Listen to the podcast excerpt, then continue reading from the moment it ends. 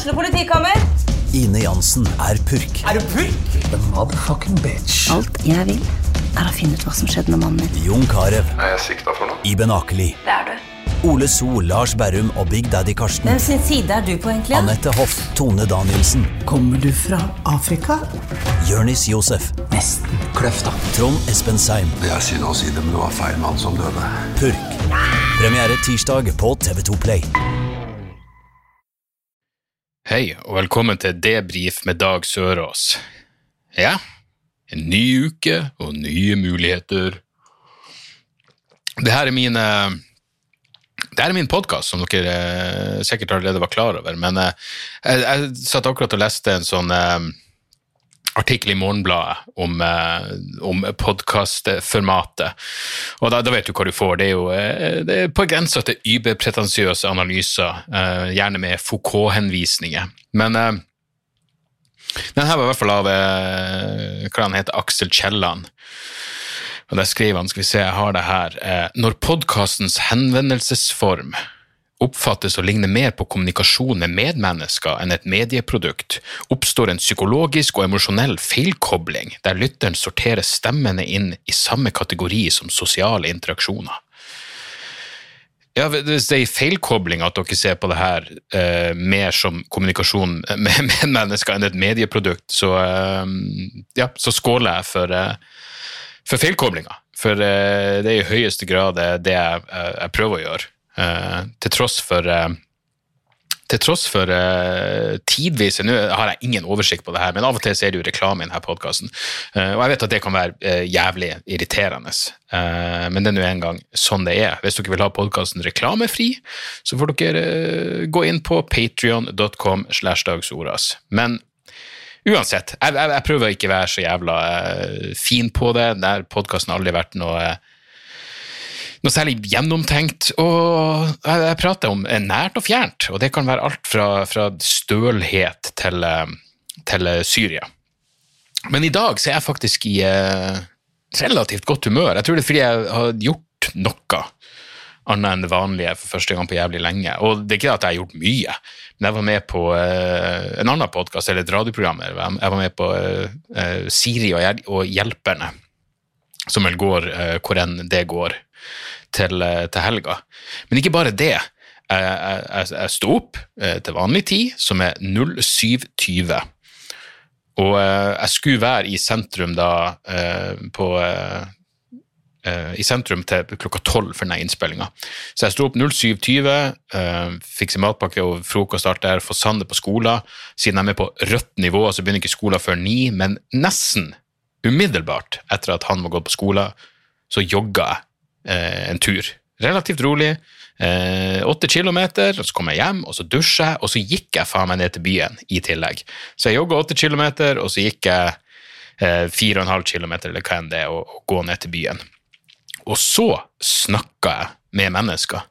Og det var jo det var, det var nesten så jeg hadde grua meg til det her på forhånd. Men det, det ble nesten, det ble overload, rett og slett, å være i en, i en satt uh, sosial situasjon på denne måten. Men, uh, men det var hyggelig, og innspillinga gikk, uh, gikk, fint og alt det der. på vei ned jeg gikk til byen, så hørte jeg på Joe Rogans podkast. hørte blant annet at han klaga på en ekstra skatt i New York at New York har De har visstnok en ekstra skatt for folk som tjener over en million dollar i året. En million dollar i året er vel syv-åtte millioner kroner. Eh, ekstra skatt på dem. Rogan syns det var helt uh, uakseptabelt. Uh, igjen, litt sånn, jeg, har nevnt det før, men litt sånn merkelig at da Rogan hadde Joe, uh, John Stewart som gjest, så prata han om at han var en så stor tilhenger av, av progressiv skatt, altså du betaler mer jo mer du tjener. Da Rogan hadde John Stewart som gjest, så var Rogan mer som Bernie Sanders. Det kan virke som om det var posering, for i alle andre tilfeller så er han ekstremt kritisk til, til skatt. Og, det er jo selvfølgelig. Det er ingenting galt i det.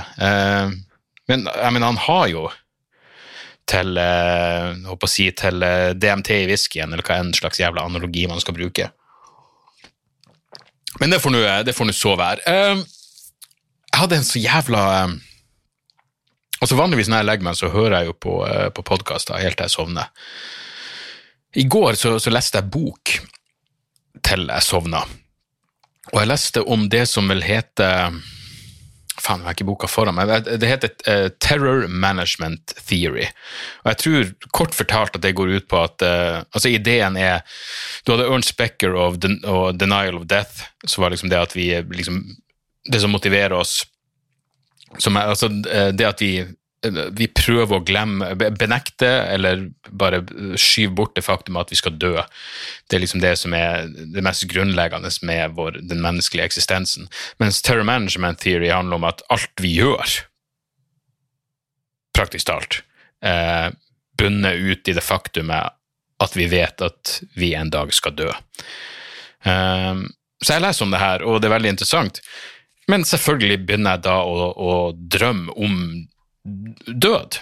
Og ikke på en sånn Altså, det kommer til å ut som det var, det var, jeg, drømte egentlig ikke om døden på en jævlig måte. Det jeg drømte, var at jeg var i ei skuddveksling.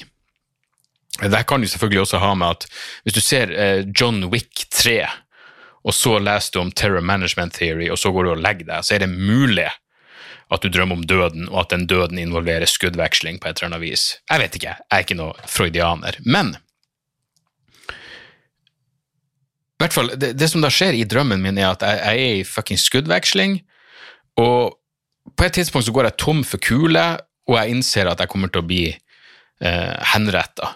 Men det var ikke noe Det er jo det som er med de fuckings drømmene. De er så jævla det, det, var akkurat så det var venner som skulle henrette meg. Jeg, jeg, jeg, jeg frika ikke ut. Det eneste jeg, jeg, tenkte på, var Jeg lurer på hvor om, om, er, om, om jeg kjenner smerte. Skjønte at de kom til å skyte meg i hodet. En person stilte meg ned på knær, og så satte han en pistol til bakhodet mitt, og så trykte han av. Og så var det som jeg fikk en sånn ut-av-kroppen-opplevelse hvor jeg registrerte at jeg ble skutt, jeg registrerte at det var ikke ondt, jeg følte at liksom, bevisstheten min ble helt fragmentert, men jeg, jeg, fortsatte liksom å eksistere. Jeg husker at jeg tenkte på at nå er jeg skutt, nå er jeg død, det var ikke ondt, det var ikke noe å være redd for. Uh,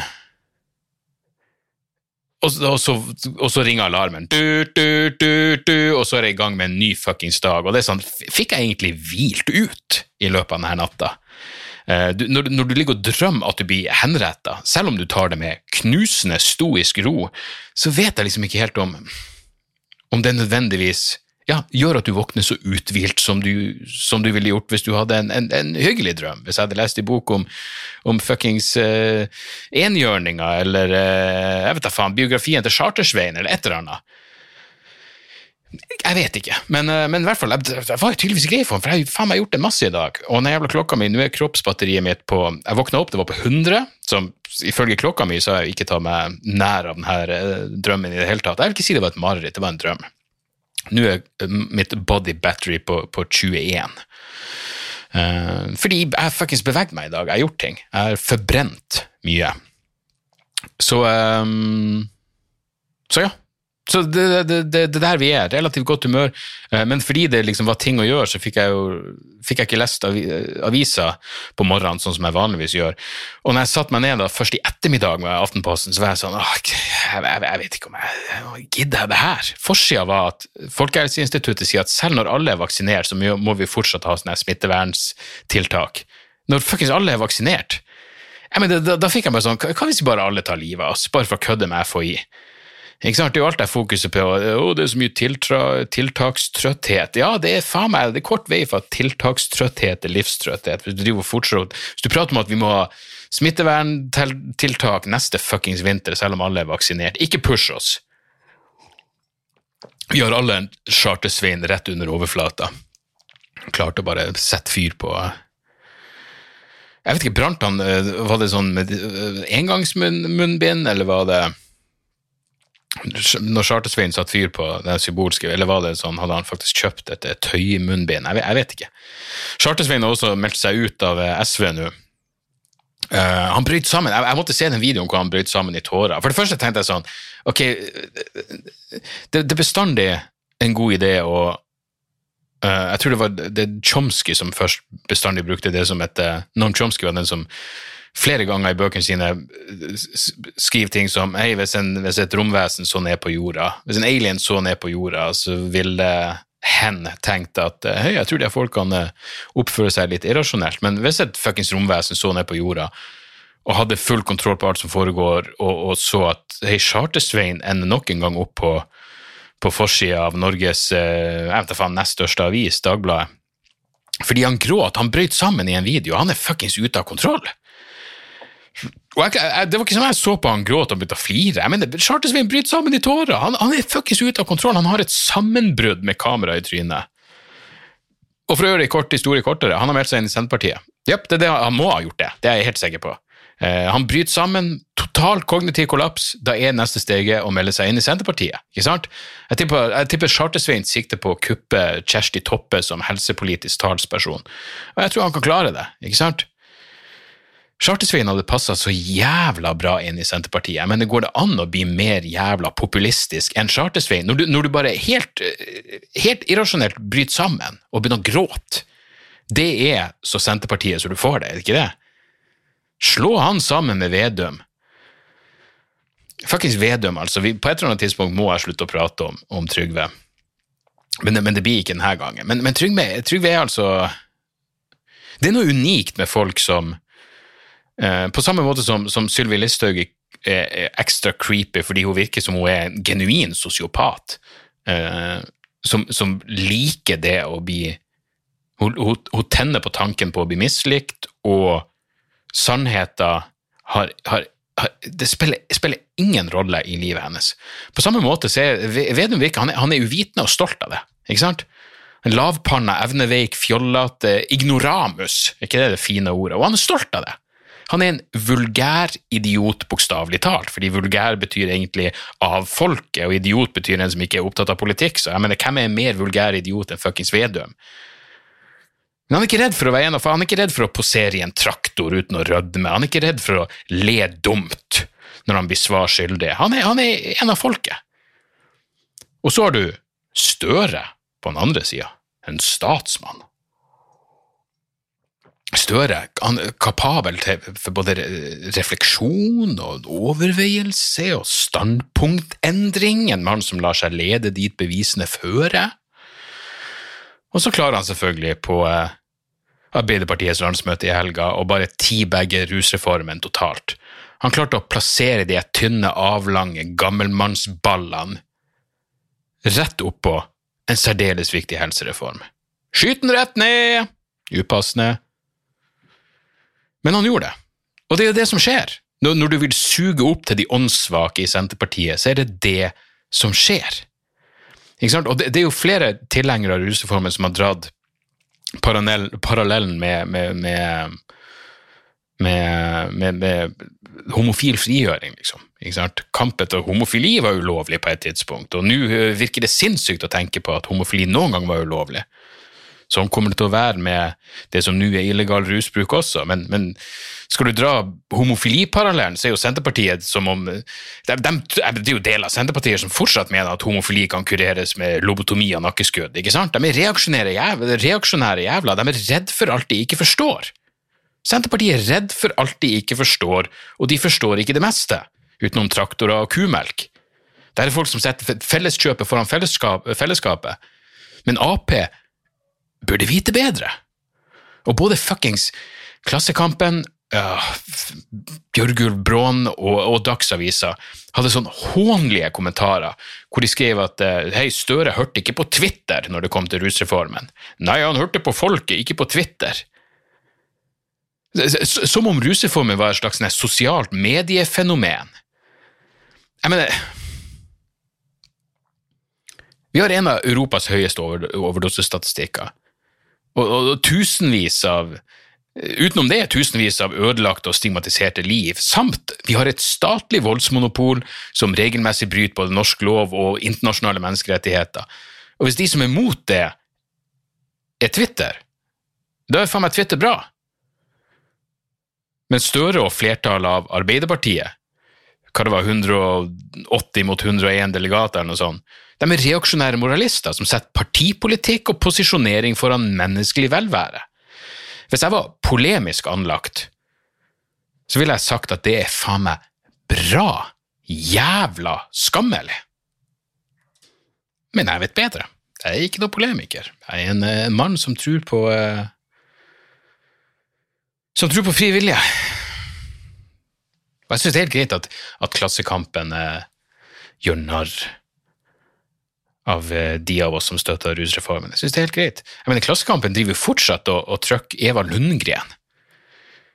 Det er litt gøy. Klassekampen har, har hatt flere både ledere og artikler som gjør narr av, eller som kritiserer QAnon-konspirasjonsteorien. For hvor sinnssyk er ikke den ideen om at det finnes en satanistisk jævla pedofil Hollywood-elite som, som dreper og spiser babyer? Det er jo helt sinnssykt, og det er helt sinnssykt. Men de driver fortsatt og trykker Eva Lundgren i Klassekampen. Eva Lundgren som skrev boka La de små komme til oss eller la de små komme til meg. Jeg har den stående i bokhylla. Noen må jo ha gitt meg den på pur faenskap. Men der skriver jo om menneskeofring og sataniske babyofring og konsumering av babyhjerter. Så de kan sette henne på trykk, men samtidig gjøre narr av QAnon. Det er jo ganske fuckings ironisk, er det ikke det? He? Det er som om Klassekampen eh, med rette kritiserer vaksineskeptikere, men så lar de Hans Gaarder, RIP, trakk artikler om norsk utenrikspolitikk og hvordan Breivik var en Mossad-konstruert cyborg, det ville vært akkurat like jævla latterlig som å la Eva Lundgren dele av sin visdom i avisa di. Sett henne på trykk, samtidig som dere understreker hvor latterlig faktaresistent QAnon-bevegelsen er. Men sånn er det. Og jeg tror på frivillige. Sånn er det. Frivillige, jeg tror at det eksisterer. Og da tror jeg at Støre har fri vilje, og jeg tror at Støre ved sine fulle fem og med full fri vilje vil gå i sin politiske grav som en jævla politisk parentes. Sånn er det bare. Ja, men de, de hadde jo Arbeiderpartiet klarte å få tidligere riksadvokat og æresmedlem i Norsk narkotikapoliti, narkotikapolitiforening. Ingenting med politiet å gjøre. Tor Aksel Busch jeg fikk han til å skrive et eh, Det sto på trykk i Klassekampen. Et slags eh, rett, eh, rettmessig juridisk voodoo-retorikk for å rettferdiggjøre ideen om at loven ikke er lik for alle. Han blant annet mente at ja, vi behandler jo, Hvorfor skulle vi ikke kunne skille mellom, mellom rusavhengige og, og rekreasjonelle brukere? Hvorfor skal vi ikke skille det? Vi, vi, hvorfor skal det være likhet for loven mellom dem? Vi behandler jo andre annerledes under loven. Barn, for eksempel. Ja, vi behandler barn annerledes enn voksne. Ja, for ei fin jævla sammenligning. Ikke sant? Hvordan i faen Hvordan mener de For det første, hvordan skal du skille mellom rekreasjonell bruk og avhengighet? Eh, det er politiet som skal avgjøre det her. Arbeiderpartiet gikk til og med lengre. De, de, vil skille mellom rekreasjonell bruk, avhengighet og tung avhengighet. Det er de tunge, tungt rusavhengige som skal få, som skal få slippe straff. Mener, hvordan er mitt alkoholforbruk? Jeg vil si det er rekreasjonelt. Men det er mulig at lederen i avholdsforeninga vil si at jeg bedriver tungt misbruk. Hva vet jeg? Men hvem skal, hvem skal gjøre den avgjørelsen? Det er politiet. Arbeiderpartiet har jo tiltro til at politiet kan fikse det, det samme politiet som velvillig og skamløst bryter norske lover, som bedriver ulovlig ransaking og trakassering og fysisk og psykisk nedverdigelse og direkte ideologisk fundert maktovergrep mot uskyldige sivile. De samme lovløse sadistene skal i Arbeiderpartiet sin latterlige utopi klare å skille mellom rekreasjonell bruk, misbruk og tungt misbruk. Det, det, er så hinsides latterlig og trist og utdatert og amoralsk og, og forhåpentligvis politisk suicidalt i det lange løp. At jeg håper at Støre blir sementert i folk sitt minne som den, den tilsynelatende, pragmatiske og reflekterte og etiske statsmann, som i stedet for å følge forskning, empiri og vet, grunnleggende logikk, i stedet for å gjøre det, så gikk han til sengs med det mest hjernedøde, ondsinna og reaksjonære Norge har klart å produsere av populistisk ræl siden krigen. Så du har Støre med Vedum sin triste bondeknølkuk trødd så langt opp i tynntarmen sin som ti triste centimeter vil gå, mens han sleiker den illeluktende nasjonalkonservative fake news-fetta til landets mest vulgære propagandist Sylvi Listhaug. Det er faen meg så jeg får lyst til å bare vente. Jeg skal Se her. der har du det. Hvil i fred, Støre. Deres tid er forbi. Og vi blir faen ikke å savne dere. Jeg spiller internasjonalen kun for deres del. Jeg vil selge Vedum, Støre og Sylvi til en jævla snøffilm. Trekant med døden til følge skal han hete. Helt jævlig. Det er i hvert fall det jeg ville sagt hvis jeg var en polemiker. Så vil de fjerne abortnemnden. Det jeg tror jeg støtter den. De mener at vi burde heller, i stedet for abortnemnder, så burde vi ha et offentlig tilbud om samtale til de som føler at de trenger hjelp når de er gravide etter tolvte uke. Tenk på det! Et offentlig tilbud om samtale til de som føler at de trenger hjelp. Hm. Fint om de som liker å ruse seg, kunne fått samme valg, men nei. Nei, nei, nei. Da er det mer forfriskende med folk som Per-Willy Amundsen, tidligere justisminister, som bare, som bare rett ut sier at han, han har ikke noe til overs for menneskerettigheter. Det, det, det, er et friskt pust når noen har et helt avslappa forhold til menneskerettighetsbrudd. Så han vil at politiet skal få lov til å bare grunnløst ransake folk. På mistanke. Tenk en gang ha mistanke. Bare føle for å ransake noen. Kanskje han har stoff på seg. Innenfor visse soner. Jeg lurer på hvilke hudfarger som vil være i flertall innenfor disse sonene. Så liksom Per-Willy Amundsen sitt svar på politiets systematiske lovbrudd det er å legalisere lovbruddene og gi dem enda større fullmakter. Så ja, der har du dine allierte. Jonas Gahr. Ja, så sånn er nå det. Sånn er nå det, men igjen så, ja, Det er det jeg ville sagt hvis jeg var, hvis jeg var dypt skuffa over Ap sitt nei. Det er noe mer der at, at selv om jeg visste, eller visste, selv om jeg, jeg, hadde en følelse av at det kom til å bli eh, et nei fra Arbeiderpartiet, så blir man fortsatt skuffa når det viser seg å være et faktum. Det er fortsatt jævlig trist. Uh, og det er jo liksom det er jo sånn som ja, jeg, mener, jeg har jo kjent på den følelsen altså, på, på sånn uh, mikronivå uh, i mitt eget liv hver gang et fucking show har blitt avlyst eller utsatt. Så er det sånn Ja, satan, jeg vet jo jeg vet at det ikke blir noe show. Jeg vet at helga går til helvete, det blir ikke noe show til helga, og så når du da får det bekrefta, så er det fortsatt sånn Satan!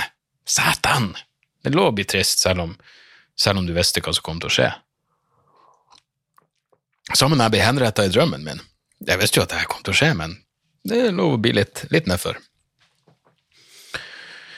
På den positive sida så, eh, så, var jeg jo hos eh, fastlegen min, og det viste seg at jeg kommer frem i vaksinekøa. Jepp. Fordi jeg har diagnosen ulcerøs kolitt, så eh, kvalifiserer jeg eh, blant de mellom 18 og 44 som har en underliggende sykdom. Så omsider kommer det noe godt ut av ulcerøs kolitt, omsider kommer det noe godt ut at jeg blødde ut av ræva ei uke i 2006. For jeg har faen meg vært heldig. Eh, jeg, jeg, jeg, jeg, hadde ei, ei, tung uke. Um, men, men det, det, er mange som fuckings får utlagt tarm og sliter som faen. Jeg har vært dritheldig. Jeg hadde bare hatt et anfall, eller hva enn man skal kalle det for noe. Eh, det er derfor jeg bare går rundt hele tida og sier at jeg er helt frisk. Jeg husker dama mi for noen år siden sa det. liksom. Du er helt frisk. Du har fuckings søvnapné, ulcerøs kolitt. På denne tida er det jo angst i tillegg. Jeg var sånn Nei, jeg er frisk. Jeg er frisk. For det er sånn jeg føler meg. Så da er det jo, da er det jo greit. Jeg er frisk. Skulle bare ønske verden kunne si det samme.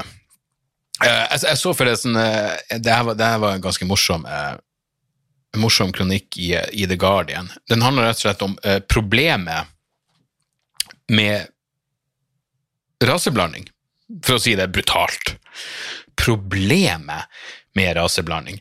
Og kronikken heter uh, Why Celebrating Mixed Race Beauty Has Its Problematic Side.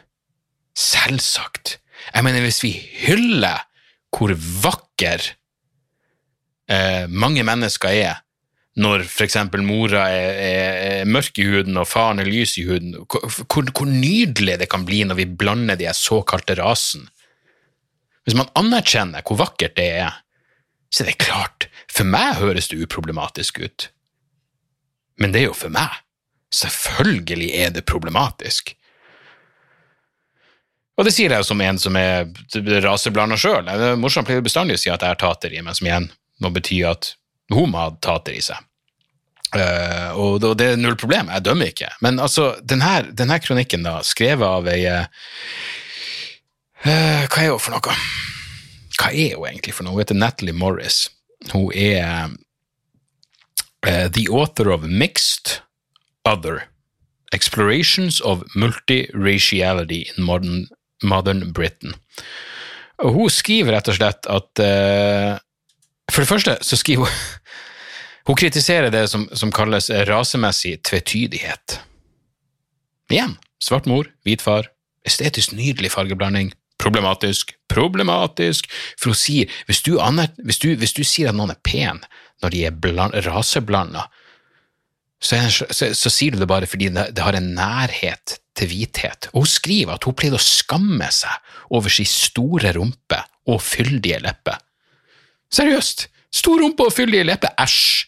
Æsj! Stor rumpe og fyldige lepper høres jo på ingen måte estetisk optimalt ut. Og det er bare, det er klart, Hvis du, hvis du ser noen med stor rumpe og fyldige lepper og, og, og, tenker Hva enn du tenker? Hun er pen. Fuckings rasist. Her er et sitat.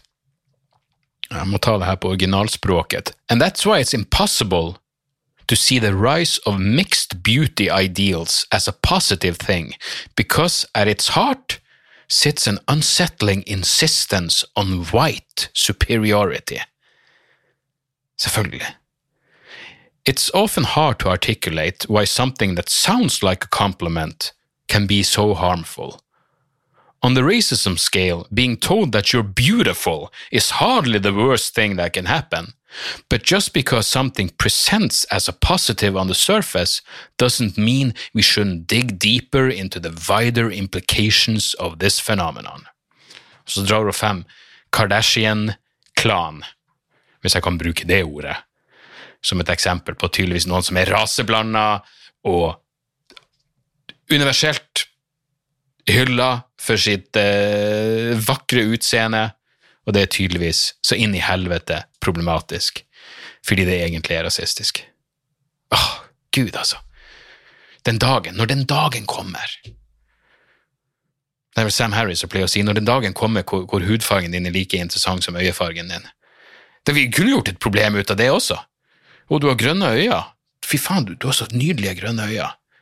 Ja, det er jo problematisk. For det, det betyr jo bare at grønne øyne har jo en nærhet til blå øyne. Har det ikke det? Mm, ja. Hvis du har grønne øyne, kanskje det er fordi mor di hadde blå øyne, faren din hadde Faen, blir det gule øyne? Ja. Kanskje faren din var, hadde blodmangel, eller jernmangel, og, og mor din hadde blå øyne, derfor har du nydelige grønne øyne. Det er problematisk. Alt, alt, absolutt alt er fuckings problematisk, tydeligvis. Jeg, mener, jeg, jeg trodde jeg var problemorientert. Jeg er jo faen meg løsningsorientert i forhold til mange av de jævla folkene som får eh, kronikker på trykk, hvor de kan klage på at de er vakre med ei med, med, at, de har, at de er ansiktsvakre og har bra ræv og fyldige lepper. Uh, stakkars meg. Stakkars meg. På positive sida så skal USA ut av Afghanistan. Du, du, ikke det fantastisk? USA skal ut av Afghanistan innen 11. september. Det, det, kanskje det er passende måte å feire 20-årsdagen for krigen i Afghanistan. Hei, nå er gutten blitt så stor at uh, han flytter ut hjemmefra og står på egne bein. Så USA skal trekke seg ut, og de har vel oppnådd det de, det de prøvde på, vil jeg tro. Jeg men det er ganske sykt. Jeg var i Afghanistan i 2006. Da var bare den krigen fem år gammel. Hvis jeg da hadde, hadde visst at det her skal pågå minst 15 år til, minst 15 år til, for hvem faen vet om de trekker seg ut innen 11. september? Hæ? Å oh, ja, jeg skal trekke meg ut. Bare vente litt. Bare vente litt. Bare til 11. september så sier Biden vi, vi, vi skal bare ha tippen inne. De skulle egentlig trekke seg ut innen 1. mai, det var det som var avtalen med Taliban.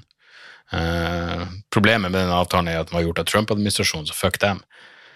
Så, um, så hvem vet hva som blir å skje. Men de har vel oppnådd sitt. Jeg går ut fra når, når USA trekker seg ut av Afghanistan etter 20 år med fantastisk eh, nobel krigføring, så, um, så er vel Afghanistan i orden. Da, da, da åpner de med Disney World i Helmand-provinsen innen 2023, det er jeg overbevist om.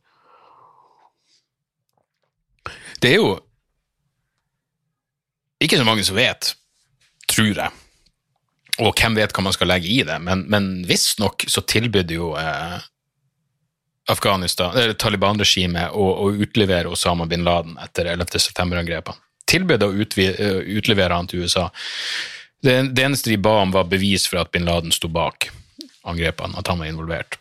Og Bush sa fuck det, her kommer vi, hold dere fast. Eh, og så er det selvfølgelig det, det, er bestandig interessant med sånne kriger hvor de plutselig bare ender opp med å handle om noe annet. Liksom, du, du, du, sier vi, vi, vi, kommer og tar dere pga. det her, og når vi har prøvd å ta dere i 20 år, så, så er det plutselig en masse andre grunner til at man opprinnelig liksom, Det er som jeg kan gå til angrep på noen og bare slå dem, og underveis kan jeg Å, det, jeg vet da faen. Jeg, du, du du, du, prøvde deg på dama mi, så jeg slår deg ned. Og mens jeg slår deg, så finner jeg plutselig ut at nei, jeg, jeg slår deg ned som, som hevn. Det, det, er et, et slag for, uh, mot patriarkatet.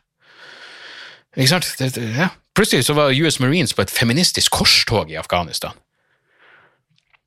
Overbevist om at vi skulle klare gjennom et vestlig demokrati, over, overbevist om at vi skulle klare å, å skifte et eh, patriarkalsk stammesamfunn styrt av menn som syns Det gamle testamentet er altfor progressivt få dem over på en slags eh, representativt demokrati. Så det, det ser ikke ut til å ha funka, men eh, det er klart, jeg sier det ser ikke ut til å ha funka nå, april 2001. Men herregud, det kan skje mye på et halvt år. Det kan skje ting på et halvt år som ikke har skjedd de 20 foregående årene. Men, eh, men ja, nei, det får nå så være. Krigen starta jo 7. oktober, så jeg, jeg tipper neste neste Krigen startet 7. oktober 2001, jeg er ganske sikker på, fordi jeg, jeg husker at Chomsky Dog hadde bursdag. Min kjære Chomsky Dog hadde bursdag samme dag som krigen i Afghanistan. Så jeg pleide å lage sånn Instagram-coaster med, med, med gratulerer, gratulerer, med dagen til Chomsky Dog og krigen i Afghanistan. Og uh, Jeg hadde virkelig ikke trodd at krigen i Afghanistan skulle bli eldre enn Chomsky Dog, men uh, det gjorde den virkelig. Um, så, så, det blir vel det neste. Etter, når, de, når de misser 11. september-deadline, så blir det 7. 7. oktober. Og så kan man jo dra det eh, Ja, hva, hva, hva kan eh, Hva kan bli neste? Hvis de, hvis de misser 11. Eh, september, så kan de si 7. oktober.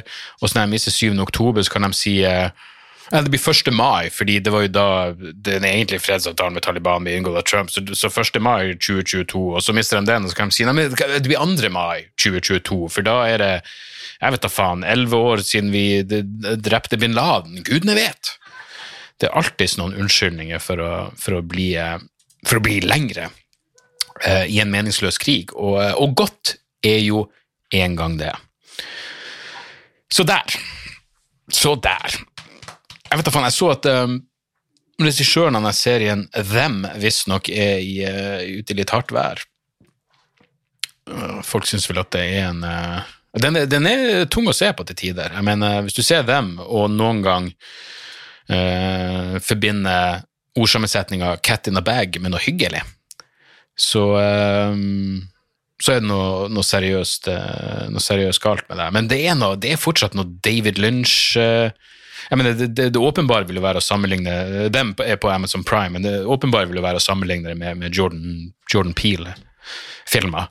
Uh, men det er virkelig sin egen greie, og det er litt sånn surrealistisk, eh, nesten sånn eh, ja, David Lynch-aktig, og den nest siste episoden er plutselig veldig annerledes. Så det, det er faen meg en, en, en kvalitetsserie. Eh, selv om det selvfølgelig er det monomaniske rasefokuset, så er det, så er det gjort på en jævlig bra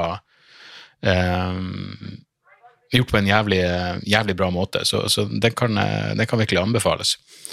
Og uh, ja, et par, par, andre anbefalinger må jeg jo uh, få inn. Uh, jeg driver og ser på Resident Alien. Den, hva kan de kalle det, sci-fi, murder mystery Det er vel en komiserie, først og fremst. som bare handler om eh, en alien som krasjlander på jorda og tar eh, over identiteten til et, menneske og blir liksom eh, ja, doktor i en liten by i, eh, i Colorado. Men det, det, det er en sånn serie som er Jeg har bare sett halv, jeg vel, jeg vel sett halve av første sesongen, og, og det er sånn Av og til er det dritmorsomt, og av og til så så er det sånn Av og til er det, er det dritmorsomt, og av og til er det bare sånn Ja, ok, jeg ser hvorfor de syntes det var gøy. Eh, men eh, det, det, kan anbefales, og han er karen som, eh, som da spiller som da spiller Harry, eller hva faen denne alien heter. Skal vi se hva han heter for noe. Alan Tudyk. Jeg, jeg, kan ikke huske å ha sett han i noe annet. Skal vi se hva han er kjent for. Uh, Rogue One, uh, Star Wars-piss, Firefly, ikke sett iRobot, det var den Will Smith-filmen, den har jeg sett. Ja, Han har tydeligvis ikke gjort så jævlig mye, men han, han, han spiller bra. Uh, og det blir, jo sånn som jeg nevnte tidligere, det med Noam Chomsky sin, liksom sin stadige sammenligning med over sin alien så ned på mennesker, så ville, vi synes vi, ville den synes vi er jævlig rar. Det er jo akkurat det Resident Alien handler om, på mange måter, og det er bestandig det, det, er derfor aliens og psykedelia har så mye til felles. De og en psykedelisk opplevelse kan gjøre at du ser eh, dagligdagse fenomen i et helt nytt, uh, nytt lys. Så, uh, så, Resident Alien kan, kan anbefales. Uh, så så jeg og Sander Palm Springs. Og det er jo det er egentlig den perfekte lockdown-filmen. Det er jo en slags 2020-versjonen av uh, Groundhog Day, bare mye bedre. Og, og, og uh, jeg, jeg, vet ikke om jeg skal si det nødvendigvis. Uh, Groundhog Day var jo en klassiker, og den har jeg ikke sett siden siden ja, når enn den kom ut på 90-tallet. Og det er jo faktisk Bill Murray. Ingen er bedre enn Bill Murray. Men, men Palm Springs, la, la, oss nå bare kalle det Palm Springs, da, en slags oppdatering av, av Groundhog Day. Um, og, og, og, den er den perfekte lockdown-filmen fordi der er det jo Ja, det, det, du lever den Det er jo eh, Plott er jo liksom noen som må leve den samme dagen om og om igjen, og hvordan gjør du det interessant, og hva er det liksom? Men i motsetning til The Groundhog Day syns jeg, synes jeg Palm Springs hadde mye mer sånn filosofisk tilnærming til uh, um, ja, hva, hva det her sier om uh, hva det her sier om uh, Hva sier det egentlig noe om? Human condition, hva faen enn det vil bli på norsk. Uh, det, det, går vel tilbake til terror management theory, gjør det ikke det, egentlig? Uh, jeg, vil, jeg vil egentlig ganske overbevist om den ideen om at Ja, om, om at vissheten om at vi skal dø en dag eller kveld eller ettermiddag eller morgen eller hva faen enn, at det motiverer det meste av, av, det vi gjør, om så bare på et underbevisst nivå. Og den, det tar jo egentlig denne Palm Springs-filmen for seg også. Uh, om enn litt indirekte. Først og fremst er det bare en gøy film. Morsom, underholdende. Det er sånn En og en halv time bare går fort som faen, og uh, den kan anbefales. Og så et lite platetips. Ehm, jeg vet ikke, Av og til når jeg nevner metal-musikk, så vet jeg at det er så mange av dere som bare detter av, men det får så være. Men jeg må tipse om, for jeg vet at det er mye metal-fans eh, blant uh, lytterne mine. Spectral Wound er et uh, Det er ekte norsk svartmetall fra Canada. De, de kom akkurat ut med en ny skive som heter A Diabolical Thirst, og den er altså så inn i helvete bra. Eh, knallskive. Um, så er jo de, de platene som fikk meg inn i black metal, black metal var ikke Uh, var faktisk ikke uh, de gode gamle Dark Throne og Mayhem og alt der. Det var uh, Dark Funeral. og skiva som heter Diabolis Interium. Og når jeg hører på denne Spectral Wound-skiva, så, så, får jeg litt sånn Dark Funeral-følelse. Um, I tillegg til selvfølgelig alle de gromguttene fra, um, fra, Norge i tillegg. Så, så, hvis du liker black metal, så A Diabolical Thirst av Spectral Wound kan anbefales. Noe så inn i helvete. Altså den, eh, den, siste låten som heter Diabolic Imminence. Åh, sinnssykt riff. Så, um, så det, der, der var litt tips også på, på slutten. Um, og så vil jeg bare avslutte med å si uh, gi gjerne fuckings det, det er lenge siden Eller er det lenge siden? Hva, hva vet jeg? Jeg husker ikke. Men, men ta gjerne og rate and review den jævla, jævla podkasten. Uh, eh, gi en anmeldelse i iTunes eller hvordan en jævla podkastapp dere har som måtte ha stjerne eller uh, eller muligheter for å, for å gi tilbakemeldinger. Uh, for uh, det har jo noe å si for å nå ut til litt flere, og det har jeg jo, har jeg alltid lyst til. Um, og som sagt så har jeg også en Patrion hvor det er Ja, jeg ligger vel på tre bonusepisoder i måneden, sånn cirka. Um, og jeg tar mye spørsmål der, så hvis dere har noen spørsmål til podkasten, så er det egentlig den beste plassen å, eh, å gjøre det på. Uh, og så ligger det opptak av Roast jeg har vært med på, det ligger et opptak, uh, lydopptak fra da jeg åpna opp for Doug Stanhope på Hammersmith Apollo i London uh, for noen år siden. Um, det, det, det, det, er mye ekstra snop der. Så du kan sjekke det ut. du kan melde deg på og melde deg av etter egen etter egne valg. Men uh, eh, patrion.com slash dagsoras er i hvert fall uh, adressen der, og da får du som sagt denne podkasten helt reklamefri kvelden før den kommer ut til resten av deres dødelige. Av dere dødelige. Så, uh, så der! Det var det. Jeg tror, vi, jeg tror, vi, dro det i land nok en gang. Vi, vi høres igjen neste uke. Ta vare på dere sjøl. Tjo og Hei. Moderne media. Da er det reklametid, og ukens annonsør er fiken.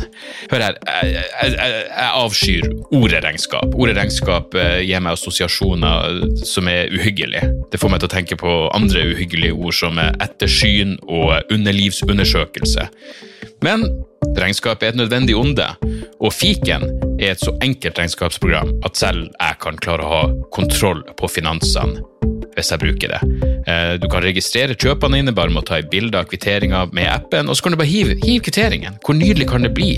Og Fiken forholder seg også til regnskap med overkommelige ord. Det er ikke masse overkomplisert økonomisk terminologi. De kaller det kjøp og salg i stedet for hva enn de kaller det på BI.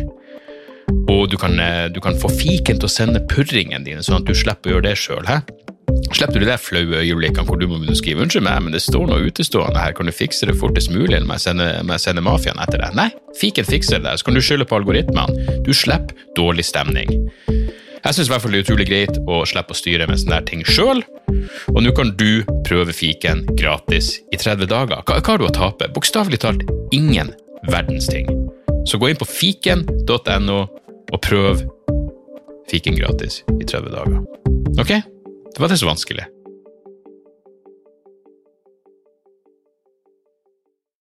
Har du et enkeltpersonforetak eller en liten bedrift? Da er du sikkert lei av å høre meg snakke om hvor enkelt det er med kvitteringer og bilag i fiken, så vi eh, gir oss her, vi. Fordi vi liker enkelt. Fiken superenkelt regnskap.